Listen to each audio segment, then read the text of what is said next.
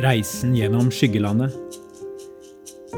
Det finnes perioder av livet da den åndelige reisen ikke har noe med nytt liv å gjøre. De fleste kristne sendes før eller siden ut på ufrivillige reiser, mer preget av dødsskyggens dal enn grønne enger og vann der jeg finner hvile. Det kan skyldes sorg eller annen livssmerte. Det kan skyldes sykdom i eget eller andres liv.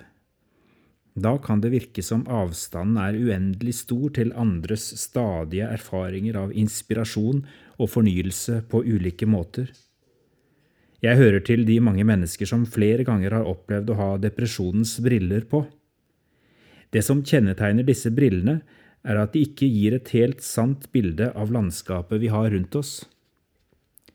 Det kan gjerne hende at landskapet egentlig er dystert og terrenget krevende å ta seg frem i, men det er likevel som om alt det som tross alt finnes av fargenyanser og variasjon, forvrenges.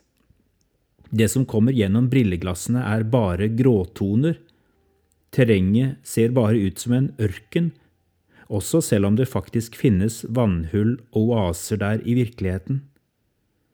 Hvis det bare var så enkelt at vi raskt kunne kaste disse brillene og se virkeligheten slik den er, med alle sine nyanser og muligheter, men for de fleste av oss har det vært nødvendig å ta tiden til hjelp.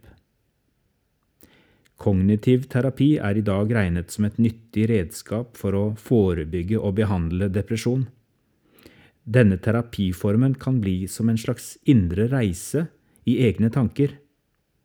Det dreier seg kort sagt om å bli mer bevisst på uhensiktsmessige tankemønstre, øve seg i å skjelne mellom mine tanker om virkeligheten og virkeligheten slik den er, for ofte er det faktisk en forskjell. Ordene som avslutter både Salme 42 og Salme 43, viser at de gamle salmeskriverne praktiserte en form for kognitiv egenterapi allerede for flere tusen år siden.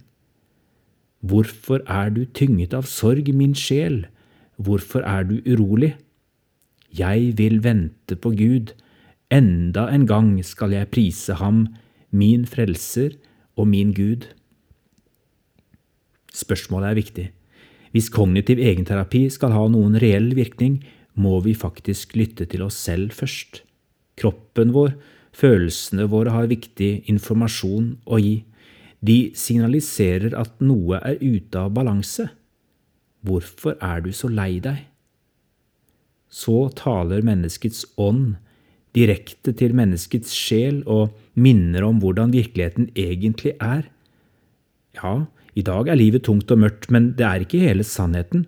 Du har tidligere vært med i det glade festfølget på vei til Jerusalem. Du er ikke blant dem i dag. Årsakene kan være så mange – sykdom, alvorlige livshendelser, sorg, utbrenthet eller noe helt annet.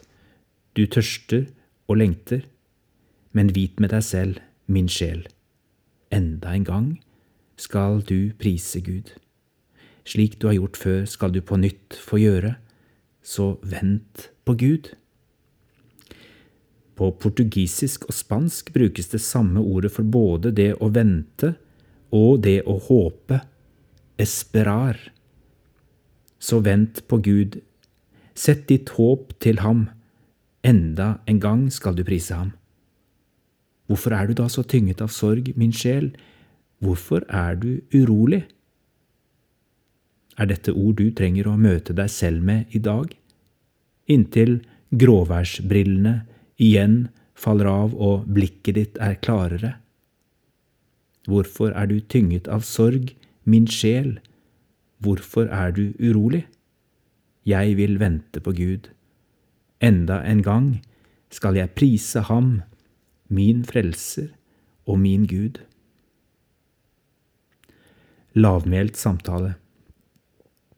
Er dette dager da Gud er taus og virker langt borte? Finnes det dager der du ikke klarer å få øye på Hans godhet eller merke Hans nærvær? Gi deg selv tid. Lytt til kroppen din. Den har viktig informasjon å gi. Kjenn ikke på dårlig samvittighet hvis selv ordene ovenfor bare gjør vondt verre men om du klarer, Forsøk å snakke vennlig til din sjel med ord fra salmen eller andre bibelord som står fast selv når du ikke selv ser det. Ikke alle reiser har mening, men spør deg selv om også den ufrivillige reisen gjennom skyggelandet kan være en indre reise i egne tanker. Har du en medvandrer som kan gå med deg et stykke på veien?